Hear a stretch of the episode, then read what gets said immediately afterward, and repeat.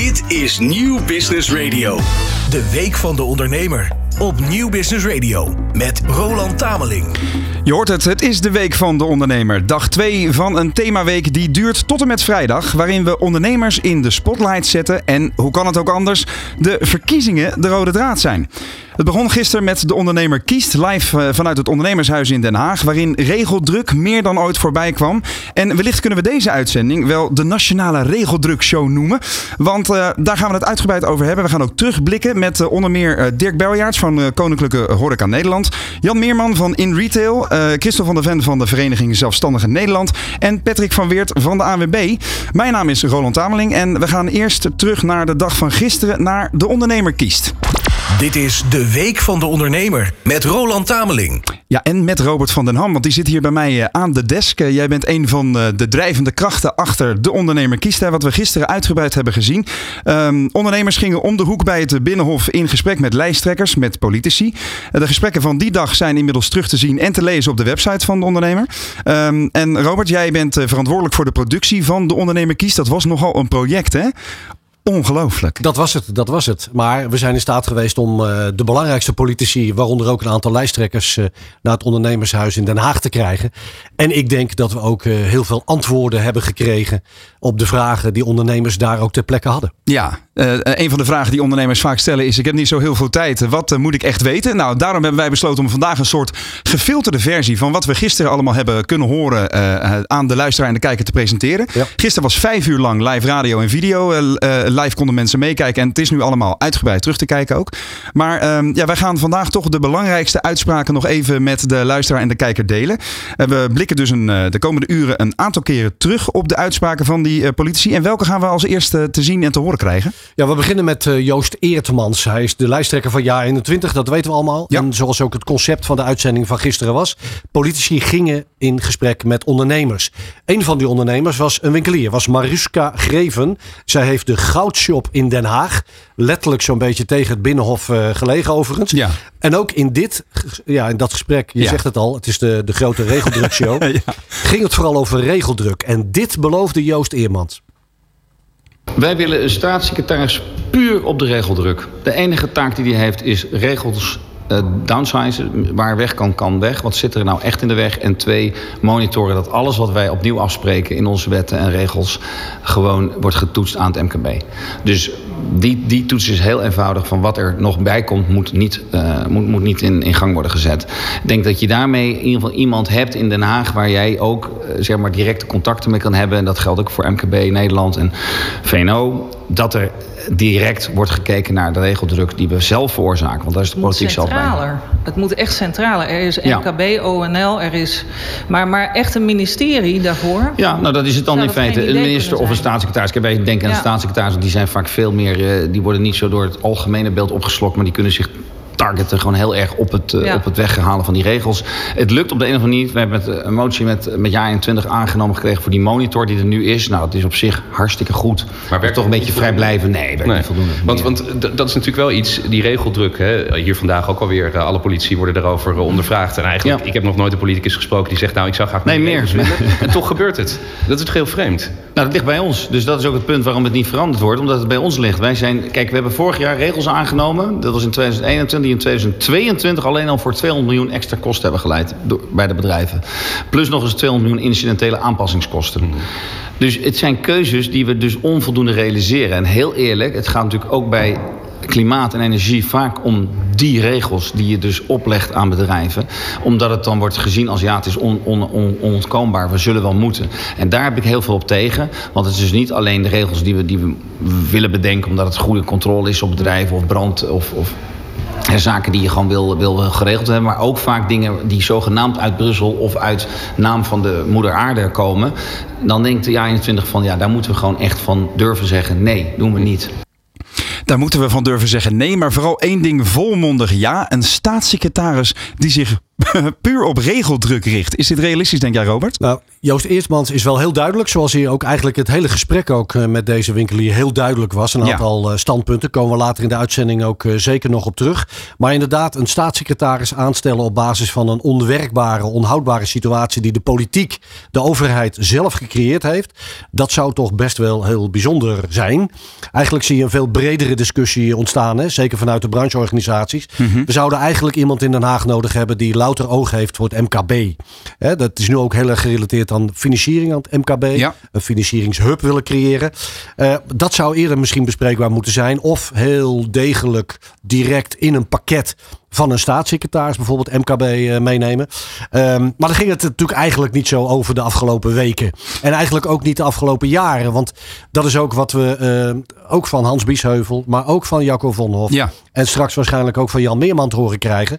Het MKB op de kaart zetten en krijgen, dat is me nogal niet een klus geweest. Mm -hmm. En of dat gelukt is, dat kunnen we ons hard, hardop afvragen.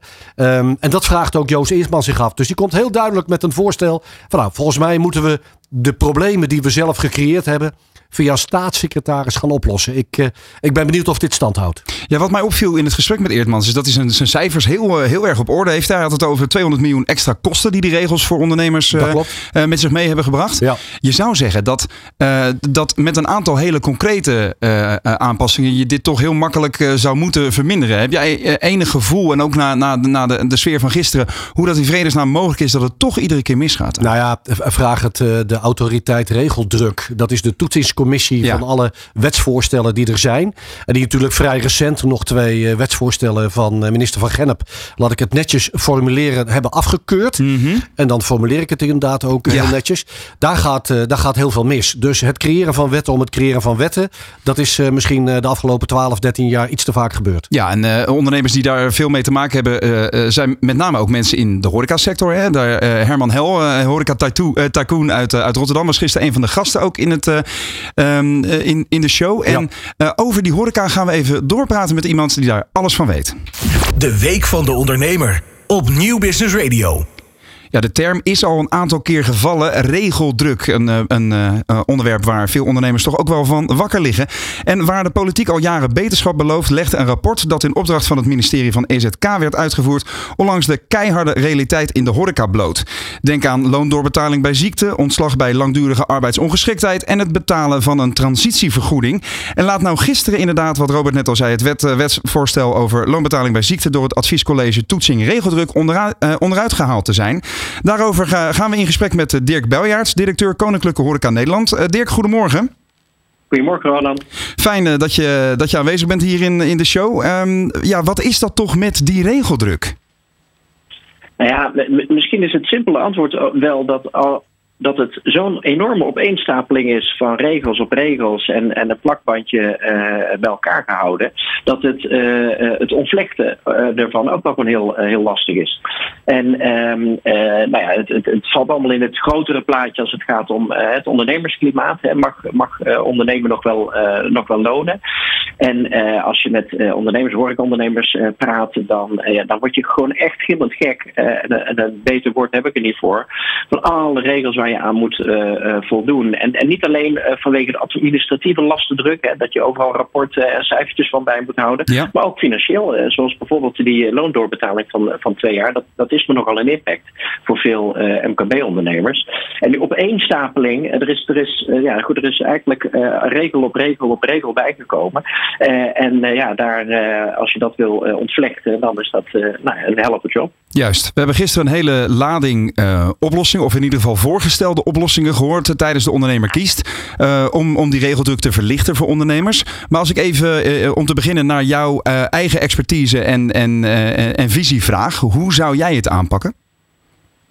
Nou, ik zou het vooral doen. Uh, hè, want als het goed is, hebben we elke vier jaar uh, hebben we verkiezingen. Ja. Uh, soms, wat, soms wat sneller, soms is het om de vier jaar. En, en, en vaker komt ondernemersklimaat dat het moet lonen, komt wel, komt wel voorbij.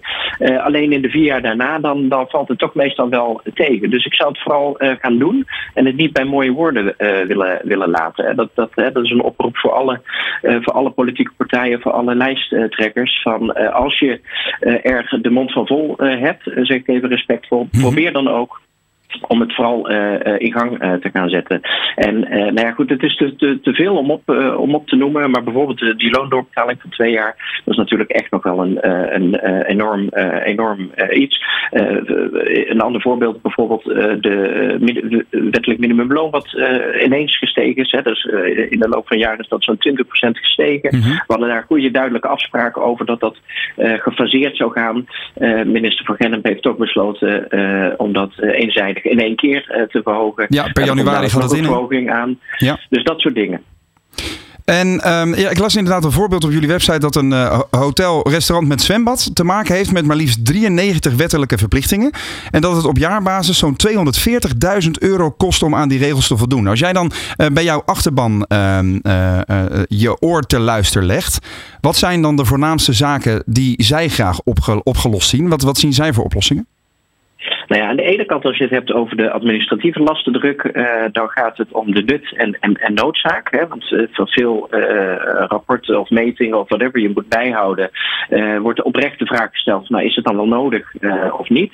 Wat ook grote frustratie is, is dat instanties naast elkaar of tegen elkaar inwerken. Heb je het volgens instantie X perfect voor elkaar, dan komt volgende week de brandweer en die keurt alles, alles weer af. Dan kun je weer overnieuw beginnen. En die instanties praten ook niet met elkaar. Dus daar zit heel veel eh, eh, frustratie. Eh, en, en over het algemeen, als je het hebt over de lasten die erbij komen kijken, is natuurlijk het sentiment wel, zeker de afgelopen paar jaar, van goh, mogen we nog wel een cent verdienen? Hè? Want overal, overal wordt, worden leesjes gegeven, overal wordt meer van je gevraagd in, in plaats van bijvoorbeeld het loondoorbetaling bij ziekte na één jaar gaat of, of, of na 18 maanden. Um, en, uh, en die opeenstapeling maakt gewoon dat men het ook wel, uh, ook wel zat is. Robert? Ja, gisteren kreeg uh, um, een van de ondernemers die we te gast hadden, kapster van de ANCO ook, van de Kappersvakbond, Meral mm -hmm. Halacelli. Die kreeg uh, die vraag ook van uh, Mariette Patijn. Zij is van GroenLinks PvdA, staat op plek 6 daar op de lijst. En daar ging het ook over regeldruk. De vraag die jij net ook stelt aan Dirk kreeg zij ook. En um, ja, Mariette zei eigenlijk oké, okay, regeldruk. Ik, ik begrijp het, maar van welke regels zou je dan als eerste af willen zijn? En Meral viel eigenlijk stil. Mm En nou is dit een hele, misschien ook wel flauwe wedervraag vanuit de politiek naar een ondernemer. Ja. Um, maar Miral zei ook van, maar het is te veel om op te noemen. Ik weet gewoon niet waar ik moet beginnen. He, dus stel je voor, je hebt twee of drie kapsalons en je hebt met zoveel regeldruk te maken en je hebt met huurverhoging te maken en met energiecrisis en met duurzaamheid enzovoort mhm. enzovoort. Mm -hmm. Dan uh, weet je eigenlijk niet waar je moet beginnen. En eigenlijk was het feit dat ze geen antwoord kon geven op eigenlijk die hele directe vraag van Mariette Partijn van GroenLinks PvdA ehm, was eigenlijk denk ik antwoord genoeg. Ja, maar tegelijkertijd gebeurde er in het gesprek uh, tussen uh, Sophie Hermans, hè, fractievoorzitter van de, van de VVD, uh, in gesprek met Herman Hel, exact hetzelfde. Daar ja. werd ook gevraagd van. maar wat dan? ik wil ja. al, jullie zeggen al twaalf jaar wordt er te weinig gedaan aan de regeldruk, zei Hermans. Maar ik, ik vraag al twaalf jaar, bij wijze van spreken, om. geef me drie duidelijke voorbeelden. En toen werd er gezegd, nou iets heel simpels. Het bijhouden van ehm, de, de reisbewegingen van je, van je medewerkers. Of het invullen van om de twee tot drie jaar of je wel zuinige, e-, energiezuinige ovens hebt. Of dat je wel zonnepanelen of ledverlichting hebt en zo. Al dat soort instanties, uh, die inderdaad allemaal hun eigen regeltjes, of dat nou lokaal, uh, nationaal of internationaal, Europees is, um, uh, die, die communiceren ook niet met elkaar. Dirk, is, da is daar niet een ontzettend probleem ook? Nee, ja, dat klopt. Uh, dat, uh, het praat niet met elkaar, maar ook instanties niet. Hè. Het voorbeeld wat ik gaf, uh, dat je net een inspectie hebt gehad van instantie X en dan ja. komt de brandweer en die zegt van nee, het, het, moet, het moet toch anders en tot, tot die tijd moet je, moet je de deur even dicht houden. Weet je, die, dat zijn voorbeelden van, van alle dag. En dat is gewoon een grote frustratie, want je hebt Europese regels, je hebt nationale regels, je hebt gemeente, provinciale regels. vaak worden er ook nog eens overal leges gerekend. Ja. Ehm, en de kern, weet je, ondernemers worden gelukkig van het kunnen ondernemen. En als ze uh, de, de halve dag achter de laptop moeten zitten om al dit soort uh, dingen uit te zoeken, ja, dan haal je ondernemers vaak ook uit, uit hun kracht. Dus er is een, een goed initiatief in de maak, en dat, dat is het al heel lang. Ja. dat de bewijzen van voor elke regel die erbij komt, moet er ook één, één af. dat lijkt de Mission Impossible. ik heb ook niet het idee dat het, dat het gaat lukken. Maar dat is wel de manier waarop je een keer zou moeten beginnen om, om hier een einde aan te maken. En nou, dat geldt natuurlijk voor veel, voor veel meer dingen. Bijvoorbeeld heel, helemaal opnieuw. En dan gaan we het even, uh, even wat breder. Als je het hebt over uh, alle toeslagen, de belastingen, hoe, hoe ga je dat doen? Mm -hmm. Die systeemveranderingen die duren natuurlijk krankzinnig lang. En daar, uh, daar moet je misschien wel mee beginnen, maar dat, daar heb je morgen niks aan. maar als we nou toch eens een keer. Daarom begon ik ook van laten we het vooral een keer doen. Want elke vier jaar hebben we het erover. En dan hebben we echt wel mooie verhalen die we, die we horen. En daar worden we misschien zelfs een beetje vrolijk van. en dan vier jaar later is er eigenlijk nog niks veranderd. Maar het klinkt ook alsof er wel ruimte zou zijn voor laten we zeggen, wat onorthodoxe maatregelen. Zoals uh, bijvoorbeeld uh, Joost Eertmans gisteren bij ons in de uitzending zei: een uh, staatssecretaris voor regeldruk. Dus echt dat, dat, dat centraal trekken en dat één iemand verantwoordelijkheid heeft, ook voor het strak trekken van beleid. Wat is jouw gevoel bij zo'n oplossing? Nou ja, ik, ik, ik, oh, oh, het zal je niet verbazen dat, uh, dat wij liever een staatssecretaris of een minister van, van Horeca en Toerisme hebben. Maar, maar dat heeft te zijn. Ja, ja. Nou ja, nee, tuurlijk. Ja, als je het op die manier serieus, serieus neemt en platform geeft, dan is dat in ieder geval een heel duidelijk signaal. normaal is onze, is onze ervaring dat als er een staatssecretaris of een minister of een ministerie bij komt, dat er meestal alleen maar meer regels en procedures en beleid komt. Mm -hmm. maar het, je geeft in ieder geval aan dat je het serieus neemt en dat dat je er ook echt werk van eh, wilt maken. En dat is natuurlijk eh, alleen maar, eh, altijd alleen maar toe te juichen. Tot slot nog even over die loondoorbetaling bij ziekte. Het wetsvoorstel van demissionair minister van Genep dat meer ruimte moet geven om afscheid te nemen van langdurig ziek personeel. En dan quote ik het adviescollege toetsing regeldruk. Het is complex, moeilijk uit te voeren en bovendien weinig effectief. Wat, wat zijn jouw gevoelens bij die woorden? Nou, ik, ik, denk dat dat, wel, uh, dat dat wel klopt. En dat je het misschien ook niet zo uh, moeilijk moet maken. Als je uh, bijvoorbeeld de beslissing zou nemen om van twee jaar één jaar te maken. Ja. Ehm, dan is dat een, ik zeg niet dat een makkelijke of een goedkope oplossing is, want dat geld moet ergens anders weer vandaan komen. Maar dat is wel een hele duidelijke oplossing. Hè. Dat is ook iets wat makkelijk te implementeren is. Mm -hmm. dat, daar, dat je daar omheen heel veel andere dingen dan misschien moet gaan, gaan doen. Dat, dat is een, een tweede. Maar het heeft met politieke wil uh, te maken en met de portemonnee trekken te maken. Want als de ondernemer het niet betaalt en het UWV, dan, uh, dan moet dat ergens vandaan komen. Dus het heeft met, vooral met wil te maken om het aan, uh, aan te passen. en laat nou eens beginnen om van die twee jaar één jaar te maken. En dan kun je al die andere zaken in de periferie als de reïntegratie en het tweede spoor en wie heeft dan welke verantwoordelijkheid, wie moet wat betalen, kun je daar echt wel mee oplossen. En ik denk dat heel veel ondernemers, eh, zeker in het MKB, eh, daarnaar snakken om eh, bijvoorbeeld zo'n eenvoudige verlichting te krijgen. Want dat zou enorm schelen. Dus eigenlijk niet te moeilijk denken, simpel houden en actie ondernemen. Ja, want je ziet dat nu weer een hoop gecamoufleerd wordt. Er worden heel veel dingen in de periferie erbij gehaald. Zoals die, uh, uh, misschien wel een jaar, maar dan, nog, dan, moet je, dan ben je nog steeds dat tweede jaar verplicht. En dan mag je misschien wel iemand anders aannemen daarvoor in de plaats. Maar je, die persoon moet je nog steeds gewoon betalen. Ja. Dus er wordt heel veel bijgehaald om, het, nou ja, om het gesprek er maar over te hebben. En dan lijkt het alsof we goed bezig zijn. maar in de portemonnee van de ondernemer verandert, verandert er maar bar weinig. En daarom het heeft met politieke wil te maken. En als je wil, kun je ook van twee jaar één jaar maken en, uh, en, en, en daar een flinke stap uh, zetten. Duidelijk. Uh, laatste vraag. je hoeft geen stem, stemadvies te geven, maar ik ben toch even benieuwd. Ben je er zelf al uit voor morgen? Nou, ik vind het, moe het moeilijker dan ooit, uh, moet ik zeggen. Dus ik heb uh, zelf ook nog geen, uh, nog geen mening gemaakt. En die stemwijzers, ik heb er een paar gedaan en er komt iedere keer toch iets, net iets anders uit. Ja, ja. dus ik vind het heel, ik vind het heel lastig deze keer. en ook omdat ik het toch heel fijn zou vinden dat als de uh, uitspraken, de ambities die uitgesproken zijn in de afgelopen weken, maanden naar, eh, naar, naar de dag van morgen, uh, dat het ook waargemaakt wordt. En dat we als ondernemers, als horecaondernemers ook echt het verschil gaan zien ten opzichte van, van de situatie nu. Dat we verbeteringen kunnen zien en dat we kunnen gaan zien dat ondernemen in de horeca gewoon weer mag lonen. En dat we ook nog een centje kunnen verdienen terwijl we goed voor de mensen en de, en de natuur zorgen. Heel goed, laten we daarop hopen. Dankjewel Dirk Berjaerts, directeur van Koning Koninklijke Horeca Nederland. En succes in het stemhokje. Dit is de Week van de Ondernemer. Nog eens terug naar de uitspraken van eh, politici gisteren, Robert. Uh, want tijdens de ondernemer kiest zaten jullie om de hoek bij het Binnenhof. Hè, met, met ondernemers die in gesprek gingen met lijsttrekkers. En jij was verantwoordelijk voor de productie van de ondernemer kiest. En um, ja, we gaan, zoals eerder gezegd, deze uitzending diverse quotes van politici terughalen. sommige namen bepaald geen blad voor de mond. Maar welke heb je nu voor ons klaarstaan? Ja, la laten we nog even doorpraten over inderdaad loonbetaling bij ziekte. Want dit was toch wel bijzonder. Want precies op het moment dat wij al die politici te gast hadden. Op 200 meter eigenlijk van het, eh, van het Binnenhof. In het ondernemershuis. werd het wetsvoorstel van demissionair minister Van Gennep ook besproken. En eigenlijk werd het uh, afgeschoten. Zoals ik net al mm -hmm. aangaf. Hè. De advies, adviescommissie rondom uh, toetsing regeldruk. gaf voor de tweede keer in korte tijd aan haar aan dat het niet klopt. Dat het niet uit te voeren is. En ook nut en noodzaak wordt afgevraagd. Je moet je voorstellen, dat gebeurt 200 meter verderop. En op dat moment praten wij met politici over hun standpunten over diezelfde loondoorbetaling bij ziekte.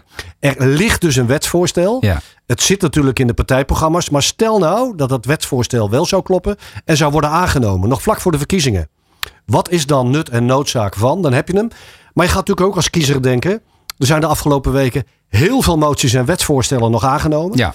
Um, wat is daar dan de waarde van? Er dat werd even 5 miljard euro heen en weer geschoven. Precies. En die vraag kregen we ook gisteren eigenlijk ook al in het ondernemershuis terug van de ondernemers die daar waren. En dan word je later op de dag geconfronteerd met, ja, nogmaals, hè, het, het advies van, die, van dat college ja. rondom eh, de toetsingsdruk van, de, van alle wetsvoorstellen, de regeldruk die er is. Ja, dan ga je toch wat dingen afvragen. Dat, uh, dat daar gelaten. Mona Keizer die denkt niet direct aan twee jaar, één jaar. Mhm. Maar die denkt weer aan een hele andere termijn. En daar gaan we nu naar luisteren. Nou, in de hele hervorming van de arbeidsmarkt, um, naar aanleiding van het rapport van de commissie Borstlab, is dit een onderwerp wat ons betreft ook nadrukkelijk aan de orde moet komen. En laat ik gewoon heel concreet zijn, die termijn moet terug. Nou, jaar bijvoorbeeld? Bijvoorbeeld. Uh, we zijn, als je het, zelfs dan zijn we trouwens internationaal nog een van de langere, want in de landen om ons het heen is het veel minder. Nou, zou het, zou het een half, ik, ik roem maar even wat, een half jaar naar wat het BBB betreft? Wat mij betreft is alles daarin uh, bespreekbaar, omdat je hier gewoon moet gaan kijken hoe pakt dit, pakt dit nou in de praktijk uit voor ondernemers? Ja. Daar moet je naar kijken. En dan kun je natuurlijk allerlei varianten kun je bedenken. Bijvoorbeeld een collectieve verzekering eroverheen zetten. Um, dus dat is iets waarvan ik zeg, ja, daar kan je nu niet van zeggen en zo gaan we het doen. Is dat niet een concreet punt in uw plan inderdaad van zo lang willen we het gaan zetten? Maar nou, wij, willen het, wij willen het in ieder geval ver terug hebben, richting uh, een jaar. Maar hiervoor, dat hoef ik u niet uit te leggen als ondernemer. Hier moet je ook in uh, contact met de vakbonden over. Uh, een van de aspecten die hier trouwens in meegenomen moet worden, is um, mensen, maar, mensen die hier naar zitten luisteren en geen ondernemer zijn, die denken: ja, ho, wacht eens even. Direct word ik als werknemer, die geen werkgever zijn en dus werknemer zijn en hier naar zitten te kijken, die maken zich zorgen. Want die denken: ja, ik ben een werknemer, ik word direct ziek en dan? Wat mensen zichzelf moeten realiseren, dat in de landen waarin de termijn veel korter is en bijvoorbeeld de ontslagbescherming veel minder uh, riant is uh, dan in Nederland, um, zie je in de praktijk dat mensen veel sneller een nieuwe baan kunnen vinden. Dus eigenlijk ook de vrijheid om als werknemer onafhankelijk ook tegen je werkgever te kunnen zeggen: Jij bent geen goede werkgever voor mij, ik ga weg bij jou. Die vinden ook veel makkelijker elders een dus plek. Dus eigenlijk win-win, zegt u het eigenlijk. Het is uiteindelijk win-win. Ja. Even, even, terug naar Christel. Is dat, uh, vind je dat een geruststellende mededeling van mevrouw Keizer? Ja, want ik heb al aan andere politici dezelfde vraag gesteld. En dan kreeg ik soms terug dat ze het zo moeilijk uh, beestje vonden om aan te pakken. Dat, ze dat, dat je dat bijna niet veranderd krijgt omdat die wet al zoveel jaren er is. Ja. Maar het is wel helemaal waar. Als voor ons die wet zou veranderen, dan neem je veel sneller mensen aan. We hebben nu ook een flexibele schil. Juist omdat je bang bent voor die verzuimkosten. En ja, dan heb je dat inderdaad dat je meer ja. mensen gewoon in vaste dienst aanneemt. Ja, opmerkelijk Robert. Um, er lag dus al een wetsvoorstel, dat is afgeketst. Maar je hoort heel veel politici, ook Mona Keizer van de BBB nu zeggen... Uh, we willen het gewoon een stuk verkorten, want dat zorgt ook voor doorlopen op de arbeidsmarkt. Ja. Opmerkelijk. Opmerkelijk, ja. En het uh, wetsvoorstel, nogmaals, wat er lag. We kunnen inmiddels in de verleden tijd spreken. Uh, dat was een wetsvo wetsvoorstel voor een jaar. Mm -hmm. En Mona Keizer zegt nu zes maanden zou het kunnen worden. Kijk het ook uh, naar Duitsland. Dat is toch een heel ander verhaal. En het gaat ook heel andere effecten hebben. En denk ik ook een hele andere beeldvorming voor twee kanten. En voor het bedrijfsleven. En voor die mensen die zomaar eens ziek zouden kunnen worden. Ja. Want dan kan het na zes maanden, zeker bij de grotere bedrijven. Want er wordt een verschil gemaakt tussen MKB en laten we zeggen de corporates. Mm -hmm. ja, dat kan een groot verschil maken. Ook ook in je beeldvorming van, nou ja, 70% is er aan het zweven op dit moment. Morgen gaan we stemmen.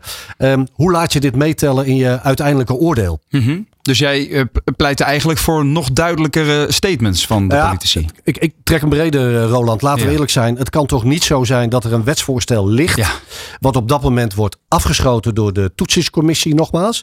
Um, en de politiek nog steeds praat over een nieuwe insteek van uh, loonbetaling bij ziekte. Mm. Dat, is, dat is toch wel bijzonder. En dat geeft nogmaals te denken ook over de eerdere moties en, uh, wetsvoorstellen die gegaan zijn. Overigens, zij was in gesprek met Christel Groeneboom. Ja. Uh, zij is um, de, de, de, ja, de zakenvrouw van het jaar van dit moment. Praat met heel veel politici. En Christel die zei ook tegen mij, dit komt in elk gesprek wat ik met politici heb terug. Ja, ze heeft een containerbouwbedrijf hè, voor de duidelijkheid. Klopt, het ja. speelt bij haar enorm. Zwaar ja. beroep. Hè. Het is echt een, een, een, fysiek zwaar bedrijf als je kijkt naar de mensen die daar, die daar werken. maar ze zegt, ik krijg het ook terug van ondernemers om mij heen. Want die weten, het is een zakenvrouw van het jaar. Mm -hmm. Zij staat in contact met politici in Den Haag. Dit is een heel belangrijk onderwerp. En dan zie je dat we eigenlijk nu al, om dan toch het woord zweven nog eens te gebruiken, ook binnen de politiek nog aan het zweven zijn. Ja. En dit vraagt echt nu wel om duidelijkheid. En toch opmerkelijk ook dat uh, iemand als Mona Keizer, voormalig staatssecretaris economie notabene, hè, uh, dat zij toch wel, uh, wel weet um, waar ze over praat in zekere zin. En ze heeft ook die, die situatie van binnen Nederland ten opzichte van de landen buiten, buiten Nederland goed, goed in kaart. En ze weet in theorie ook wat de effecten zijn van het beleid. Um, uh, heb je voor jou het gevoel uh, dat de BBB uh, de ondernemer meer op de kaart heeft dan menig andere partij? Noem GroenLinks PvdA, die toch meer voor de, onder, de, de, werknemer schijnt te zijn voor mijn gevoel? Nou, als je gisteren van 10 tot 5 het volgehouden hebt, ja. dan heb je acht keer gehoord van elke politicus: wij zijn de ondernemerspartij. Ja, exact. Ja. en iedereen met een eigen reden, enzovoort, enzovoort. En iedereen wil zich natuurlijk heel graag de ondernemerspartij voelen en dat ook uitdragen op dit moment. Laten we wel zijn, er zijn 465.000 MKB-bedrijven. Dus daar is best wel wat te winnen aan, aan stemmers, aan kiezers. Mm -hmm. En zeker, zeker natuurlijk morgen. Uh, dus ik zou dat niet uh, zo, uh, zo durven stellen. Maar laten we het zeggen, Roland. Iedereen profileerde zich gisteren zo wel. En dat is natuurlijk te begrijpen als je live bent op Nieuw Business Radio. Live bent bij de ondernemer. Op het ad.nl en, enzovoorts. Dus logisch verhaal. De Week van de Ondernemer. Met Roland Tameling. Op Nieuw Business Radio. Ja, en van de hoofdpijndossiers waar ondernemers mee te maken hebben, is zakelijke mobiliteit ook een belangrijke. Zes op de tien ondernemers zegt bezorgd te zijn of de mobiliteit van het bedrijf en de medewerkers nog wel betaalbaar blijft. Mede, wederom daar is die, door alle regels waar zij mee te maken hebben. Dat blijkt uit een onderzoek van AWB Zakelijk, maar uit datzelfde onderzoek komt naar voren dat politieke partijen op hun beurt helemaal niet zo met dit onderwerp bezig zijn. En daarover gaan we praten met Patrick van Weert van AWB Zakelijk. Want Patrick, jullie hebben een mobiliteits onderzoek gedaan hè, onder 497 ondernemers, om heel specifiek te zijn. Zij maken zich dus uh, uh, zorgen over die betaalbaarheid. Maar waar gaat het dan precies over in jouw optiek? Ja, dit is dus echt een combinatie van wat je net al benoemt. Dus um, betaalbaarheid zit in meerdere vlakken. Uh, wat we gedaan hebben in het onderzoek is dat we een aantal opties gegeven hebben waaruit de ondernemer moest kiezen. Mm -hmm. um, en daar wordt betaalbaarheid als meeste aangevinkt. We hebben daarnaast ook gekeken, als je naar al die punten die ze aangeven waar ze zich zorgen over maken, dus de elektrificering, uh, de regelgeving, alles wat daarbij komt kijken, ja. dan zie je dat uh, als we de vraag stellen, god, als je nu al die problemen mag wegen, hoe groot zijn dan de problemen op die gebieden? Dan is ook weer die betaalbaarheid komt daar weer bovenaan te staan. En die betaalbaarheid zit hem ook in alles wat te maken heeft met de mobiliteit. Niet alleen de aanschaf van het voertuig, maar het rijden van het voertuig, het parkeren van het voertuig, het laden van het voertuig, het verzekeren van het voertuig. Alles het hele plaatje, het, ja. het, hele plaatje wat erbij komt kijken. En als we natuurlijk zien in de afgelopen jaren waar al enorme stijgingen zijn geweest in die kosten, um, dan is dat een heel begrijpelijke uh, zorg voor het tweede jaar op rij. Ja. ja, zie je daar uh, een trend dan als je het vergelijkt met het onderzoek van vorig jaar? Wat, wat zijn dan de belangrijkste verschillen? Eigenlijk niks. Nee. Het blijft hetzelfde. En dat is ook een signaal. Mm -hmm. Want we hebben natuurlijk al geprobeerd om over bepaalde onderwerpen te praten en te zorgen dat het beter wordt. Er zijn een aantal subsidies die er nu, die, die er nu nog gelden voor een ondernemer om bijvoorbeeld de stap naar elektrisch te maken. Ja. Maar nog steeds blijft dat een heet hangijzer. In de zin van bijvoorbeeld de subsidie elektrische bedrijfsauto, uh, de, de, de SEBA-subsidie waar je nog op, ja, ja. waar je uh, aanspraak op kunt maken. Um, en nou, jullie hebben dus voor de tweede keer op rij dat, uh, dat onderzoek ja. gedaan. En de, de, voorgestelde wetswijzigingen en beleidsplannen brengen onvoorziene kosten en administratieve lasten met zich mee voor jullie, voor ondernemers. En jullie zeggen, als we niet voorzichtig zijn, kunnen de kosten van mobiliteit voor ondernemers onhoudbaar worden. Dat woordje onhoudbaar, dat klinkt een beetje als een hele grote donkere wolk die hier boven Hilversum komt komt drijven. Maar vooral ook boven de ondernemers van Nederland. Um, is het echt zo nijpend? In combinatie met alle kosten die een ondernemer op zijn bord krijgt. Ja. ja. Mhm. En dat is waar jullie net al natuurlijk ook over spraken. Alle regels die er nu zijn, alle regels die erbij komen voor de ondernemer, die heeft natuurlijk niet alleen te maken met mobiliteit, maar alle andere kosten die die heeft om te kunnen ondernemen. Dan is mobiliteit er een van die exponentieel gegroeid is in de afgelopen jaren. Ja. Als je naar de prijsindex kijkt van mobiliteit in vergelijking met de prijsindex over het algemeen, dan is die van mobiliteit het hardst gestegen voor de ondernemer. Dus dat voelt hij direct in zijn portemonnee. Mhm. Hè? En bij die pompstation staan en dat- dat ding volgooien als eh, eh, bouwvakker of als stucador. Je voelt hem gewoon keihard meteen in je portemonnee. Ja, dan heb je het ten eerste over de exploitatiekosten van je bedrijf en van je voertuigen natuurlijk. Maar ook Ja. de aanschaf heb je nog. Alles wat erbij komt kijken om die mobiliteit te kunnen regelen. En zoals je al zei, niet alleen voor die, eh, die ZZP'er zelf die zijn bus nodig heeft om naar de stad te komen, maar, maar ook voor de werknemers. De, vergoedingen worden steeds groter. eh, er wordt steeds meer vraag eh, eh, wordt er gesteld vanuit de, de werknemer aan de werkgever over dat beleid. Waar we vroeger zagen dat een leaseauto meteen hè, een hele gewilde optie was, komen er nu andere wensen. En dat zijn hele goede mogelijkheden. En het zijn ook mogelijkheden die ons kunnen helpen om naar die doelstellingen toe te werken. Maar die zorgt voor die ondernemer weer dat hij allerlei dingen moet uitzoeken. Kost weer tijd, moet Ja. weer ingeregeld worden. Er zijn ook wel allerlei regeltjes waarmee mee gebonden zijn. Dus alles daaromtrent is dat wel echt een eh, donkere wolk die erboven hangt. Vooral als je ziet dat die zo'n elektrische bus, eh, om die aan te schaffen, dat die veel duurder is dan een dieselbus op dit moment. Mhm. En ze ook nog een keer ont- ontzettende twijfels hebben over de capaciteit van die bus. Dus die kosten, dat maakt, je maakt dan een afweging als ondernemer zijn. Van waar ga, ga- geef ik die euro die ik hard verdiend heb, waar geef ik hem aan uit? Robert? Zie je hier ook nog een eh, verschil tussen de wat kleinere bedrijven, MKB onder andere, en, en de corporates in, in expertise, in kennis, die ze tot nu toe eigenlijk al zouden moeten hebben? Nou, wat je wel ziet uit het onderzoek is dat we eh, gevraagd hebben eh, bij het onderzoek of iemand een mobiliteitsprofessional is. Of dat hij gewoon ondernemer is in een MKB-bedrijf, een ZZP-bedrijf. Ja. En dan zie je dat de mobiliteitsprofessional die maakt zich veel minder zorgen over die betaalbaarheid. Even voor de duidelijkheid, wat zie je als mobiliteitsprofessional? Ja, een mobiliteitsprofessional is iemand die in zijn dagelijks leven echt als vakgebied heeft om na te denken over mobiliteit. Juist. Dus waar we eh, zien dat iemand bijvoorbeeld bij een, in een HR-functie, daar een MKB-bedrijf. Of een wagenparkbeheerder of iets dergelijks. Ja, ja, die, zijn er echt mee, die hebben echt dat als functie. Ja. Maar dit zijn dus inderdaad ook de mensen die, dus- die zich dus inlezen in allerlei vakbladen, luisteren naar bepaalde dingen die over hun vakgebied gaan. En zich er dus veel beter op kunnen voorbereiden. Wat we uit gesprekken met ondernemers naar voren halen, is als je hen vraagt wanneer ga jij je zorgen maken over mobiliteitsvraagstukken, dan zegt hij als het voor mijn neus staat. Mhm. Precies. Ja. ja. Maar daaruit kun je dus concluderen dat de, een, een, er is zorg over die regeldruk. Maar als we beter informeren en meer kennis delen, dan zou die angst voor die regels wel eens ten onrechte kunnen zijn. Of zie ik dat verkeerd? Nou, ten onrechte zou ik niet meteen willen zeggen, maar we zouden hem wel kunnen verkleinen. Mhm. En dat is denk ik heel belangrijk. We hebben het hier eh, en, en Maart ook over gehad tijdens de Business Mobility Week. Wat moet je doen als ondernemer op dit moment? Een ondernemer moet heel veel. Dus Ja. ik ga hem niet vertellen wat hij allemaal moet doen. Maar als ik hem een eh, tip mag geven is, ga je voorbereiden. Ga nu onderzoeken wat de mogelijkheden zijn. We verwachten volgend jaar een enorme run op, eh, op dieselbussen. Mhm. Eh, omdat dan die regelingen nog, eh, nog gelden. Ik kan de, de, de, de subsidies nog krijgen. Ik kan nog een overgangsregeling krijgen tot, eh, tot een latere tijd om de stad mee, mee in te kunnen gaan. Maar is dat je beste optie? Moet je niet gaan nadenken volgend jaar, als die bus dan toch aangeschaft moet worden, om toch ook die andere opties eh, af, te, af te wegen? Mhm. Je nu gaan voorbereiden, dat gaat ervoor zorgen dat je eh, ja, toekomstproof bent. Ja, wat ik wel verhelderend vond ook in, eh, in jullie, ehm, eigenlijk de uitkomsten van het onderzoek, is dat jullie een aantal zakelijke wetswijzigingen voor ondernemers rondom het thema mobiliteit op een rijtje hebben gezet. En inderdaad, ik zou er al moe van worden als ik het moet oplezen. Dus daar gaan we. Ehm, de rapportageplicht voor CO2. Hè, dat gaat in per janu- januari 2024. Uitgesteld nu naar, eh, naar juni. Oké, dat is inderdaad waar. Ja. Dat is, dat is, eh, dat is ontspannen in, in zekere zin. Eh, maar het, het wil nog steeds zeggen dat bedrijven met meer dan 100 medewerkers worden verplicht om vanaf juli vi- eh, 2024 hun CO2-uitstoot te rapporteren.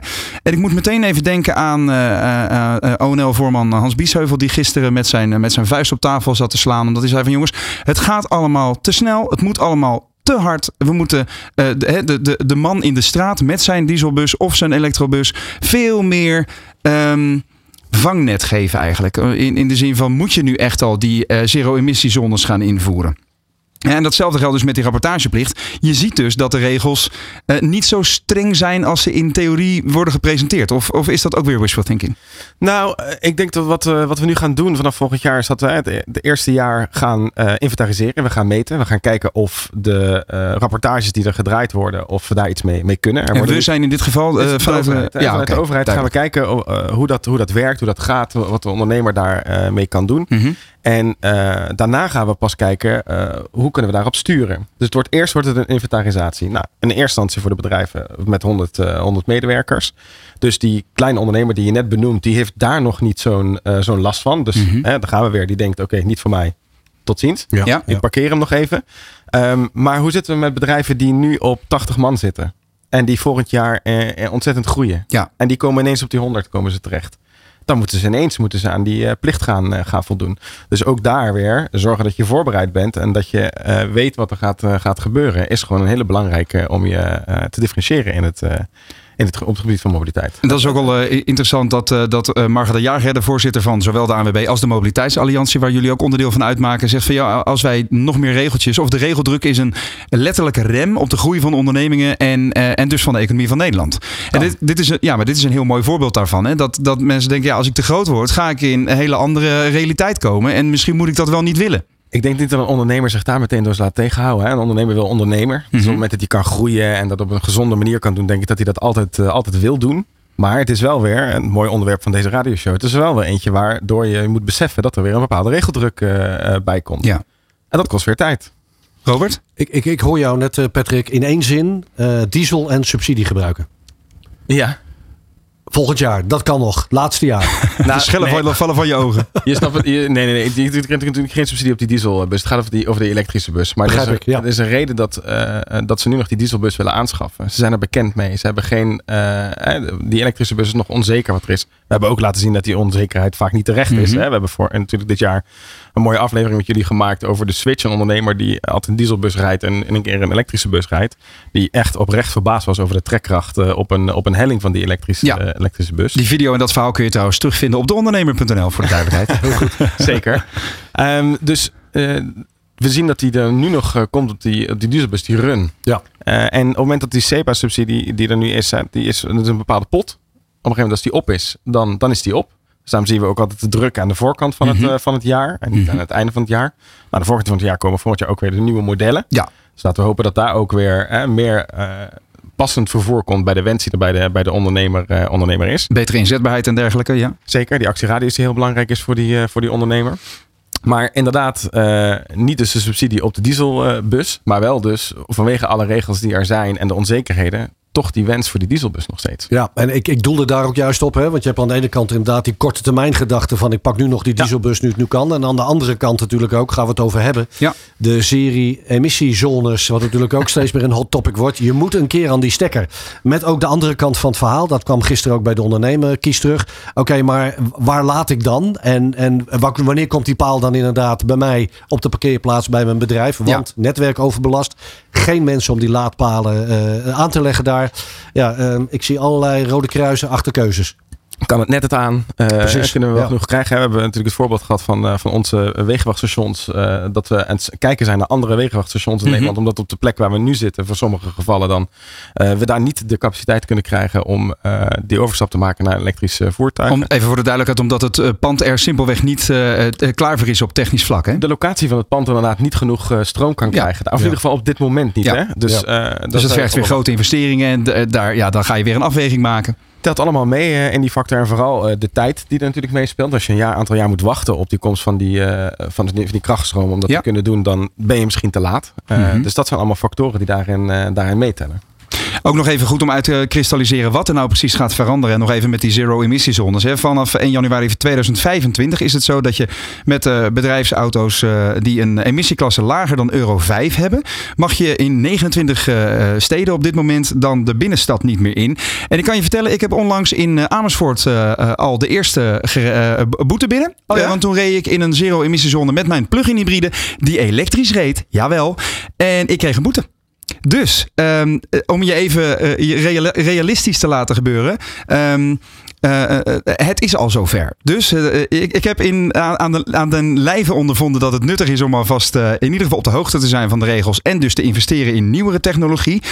maar de reden dat er een run gaat komen op diesels, wat nu de, de verwachting is tenminste, is dat moderne diesels, die hebben een Euro 6 um, type goedkeuring. Dus die volgens de regeltjes mogen die nog een tijdje door. Dus die zijn dermate schoon vanwege allerlei uitlaatgas, recirculatiesystemen en filters die erin zitten. Dat ze dermate schone lucht hebben, relatief gezien. Um, ten opzichte van die oudere voertuigen. Dat ze voorlopig nog even de binnensteden in mogen. Um, Tel dat uh, op bij de veel lagere aanschafkosten en de betere inzetbaarheid voor, uh, voor veel ondernemers hè, van een dieselbus.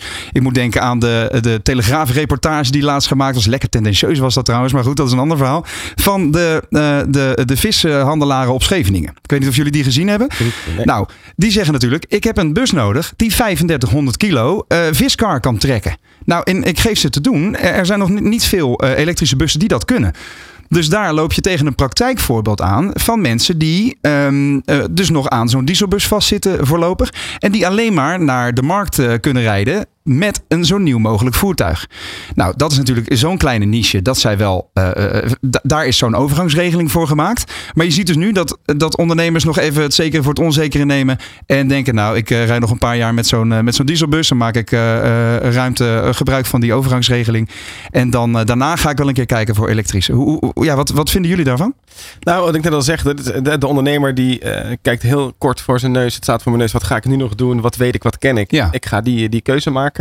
Um, uh, ik denk dat het in uh, heel veel gevallen, uh, ook waar je zit, de regio waar je opereert, er zijn allemaal factoren die meespelen in die overweging, die keuze die, die je maakt.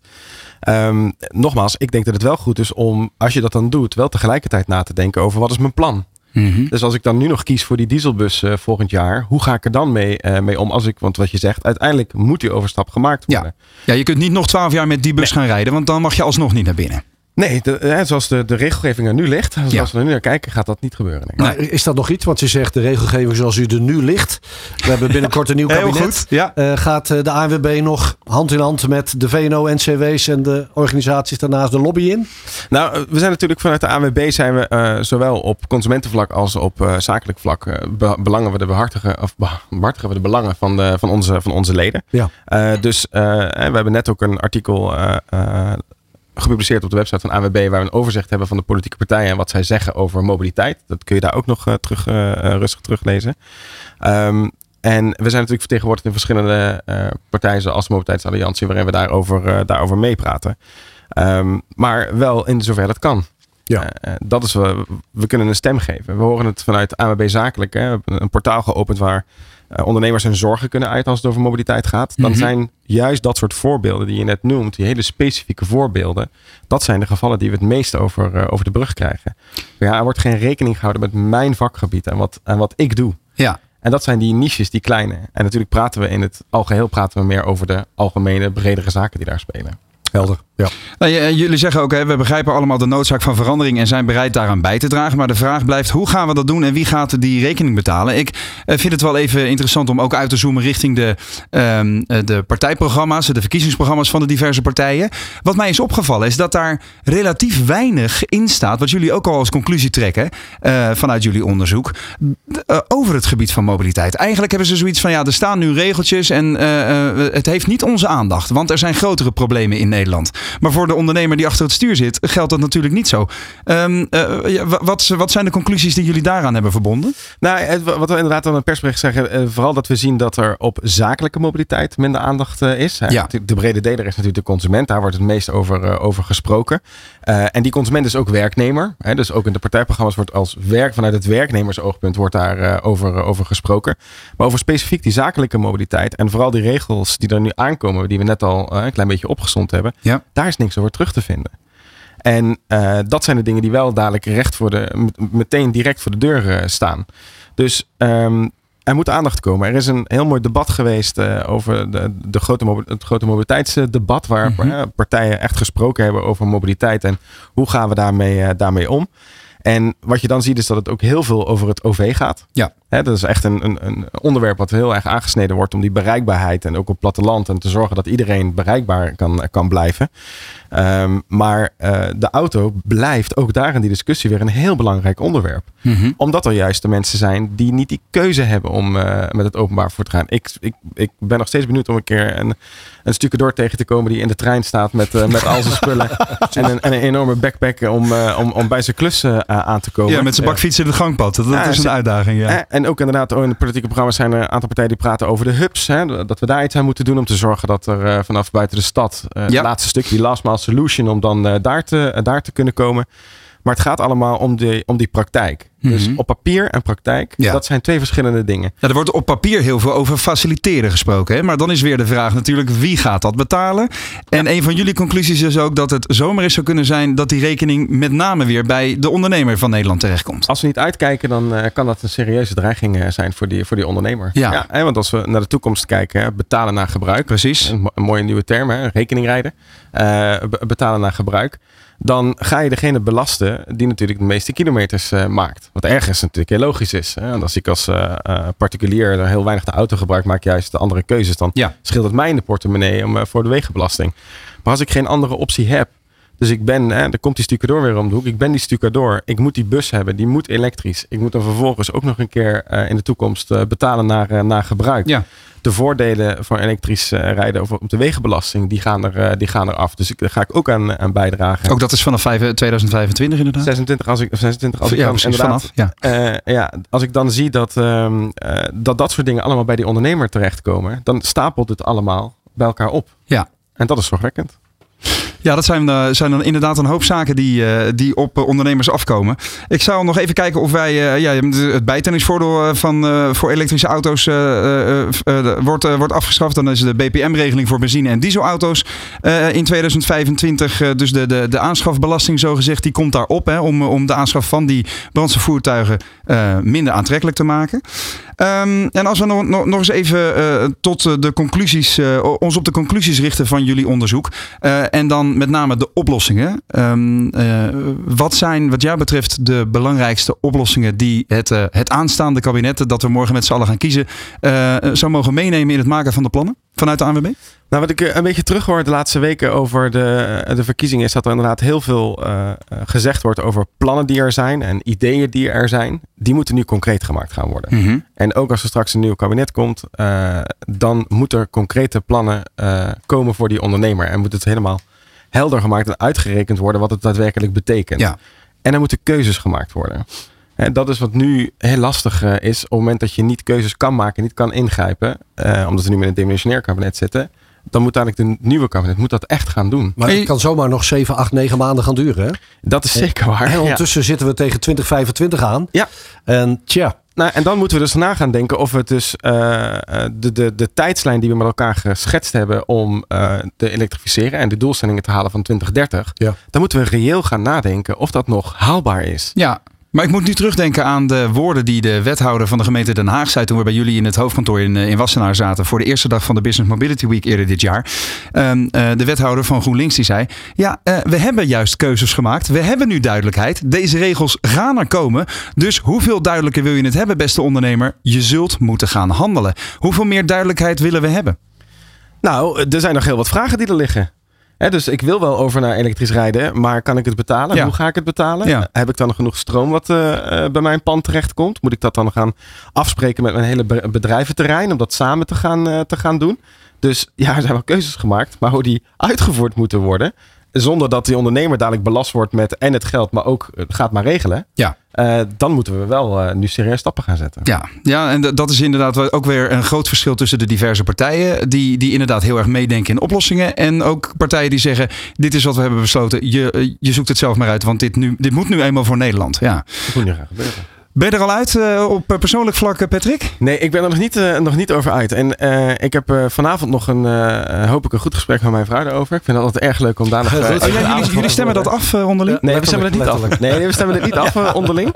Eh, en eh, wat ik al tegen jou zei, dan kijk ik weer uit naar eh, morgen dat ik dat, dat hokje in mag met een ontzettende grote flap waar ik een vakje moet vinden. Die Ja, even de opgevouwen behangrol de uitrollen. opgevouwen bangrol om, om te gaan vinden op wie ik moet gaan, gaan stemmen. En dan heb je daarna natuurlijk het probleem wat je altijd hebt ook met de handleiding. Hè? Als je ze helemaal uitgevouwen hebt, moet je ze ook weer invouwen. Dat Ja. is nooit hetzelfde. Mhm. Eh, dus eh, ik ben er nog niet, eh, nog niet over uit. Ik vind het, en zoals net al benoemd werd, ik vind het echt meer moeilijker dan, dan ooit. Maar dit, dit is toch wel, dit is wel, dit is wel heel typisch toch wel. Hè? Wij zitten allemaal heel diep op een bepaalde manier in een bepaald vakgebied. Ja.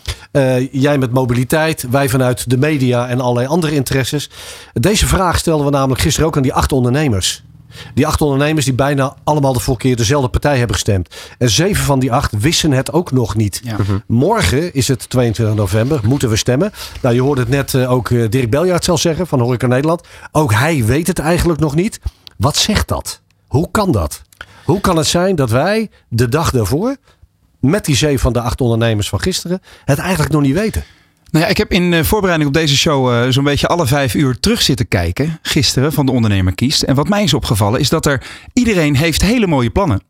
Weet je, die, die, die zijn allemaal heel interessant. Op sommige vlakken nou, denk ik, oké, als we daar een ideale combinatie van maken, dan komen we er met z'n allen heel snel uit. En wat Dirk net ook zegt, uh, een politiek plan is één ding, maar de politieke wil daarna moet er ook zijn. Hè? En, en uh, ik vond het interessant wat, uh, wat Sofie Hermans ook zei van de VVD. Die werd toch een beetje aange, aangevallen op het, het feit dat er de afgelopen twaalf jaar veel beloftes zijn gedaan, maar niet allemaal zijn, zijn, zijn uitgekomen. En over regeldruk gesproken. Zeker, maar zij zei ook, even, niet dat ik voor, voor ze opneem, maar ze zei wel terecht, ja, maar we zitten in een coalitie. En uh, dat zorgt voor, ah, in, in zekere zin voor een remmend effect. Nou, ik ben heel benieuwd wat dat, uh, wat dat gaat doen. Dus ik wens jou ook uh, veel wijsheid morgen in het stemhokje, Patrick van Weer. Dankjewel.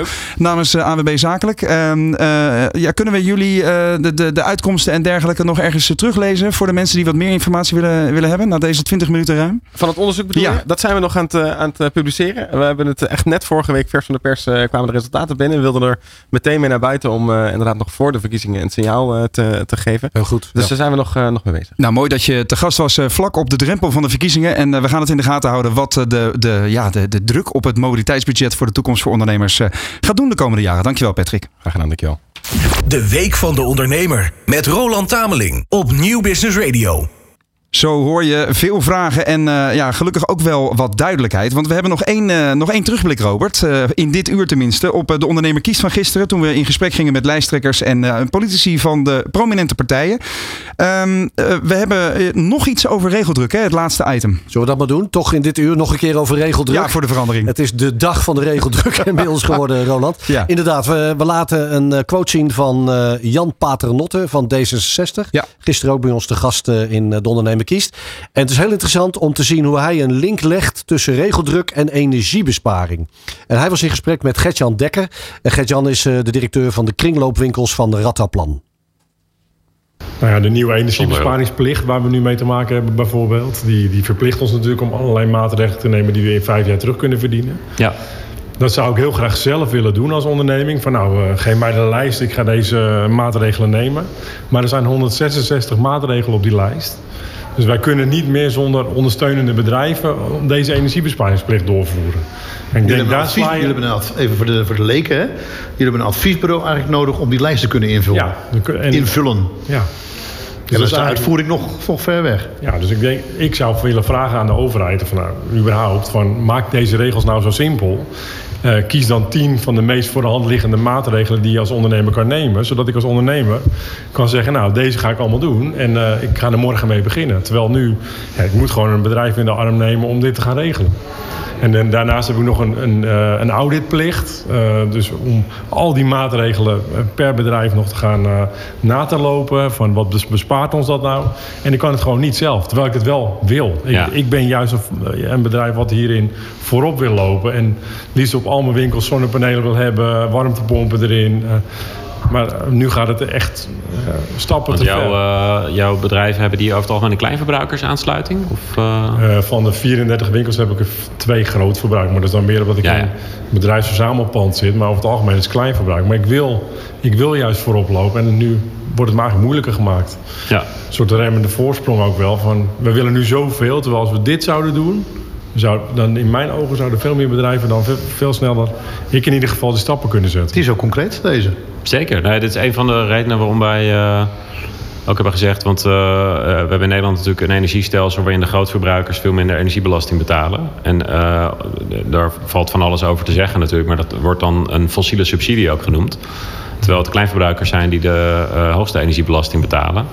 Um, ja, wij willen dat wat eerlijker maken door de energiebelasting uh, voor de kleinverbruikers te verlagen. En voor de hoogste schijf, dus dat zijn echt de allergrootste, allergrootste jongens, uh, om die dan wat te verhogen. Dan, schaf je, dan bouw je een fossiele subsidie meteen voor een deel af. En dan help je ook de, de kleinste ondernemers en de, kleine, en de huishoudens.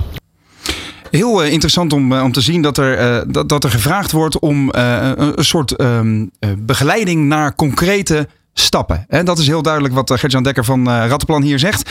Tot zover dit eerste uur op de dinsdag van de Week van de Ondernemer 2023. Straks hoor je nog meer hoogtepunten van onze gesprekken met politici van gisteren tijdens de Ondernemer Kiest. En gaan we in gesprek met Christel van der Ven van de Vereniging Zelfstandige Nederland, Jan Meerman van In Retail en merkpsycholoog Thijs van Dijk. Graag tot zo. De Week van de Ondernemer op Nieuw Business Radio.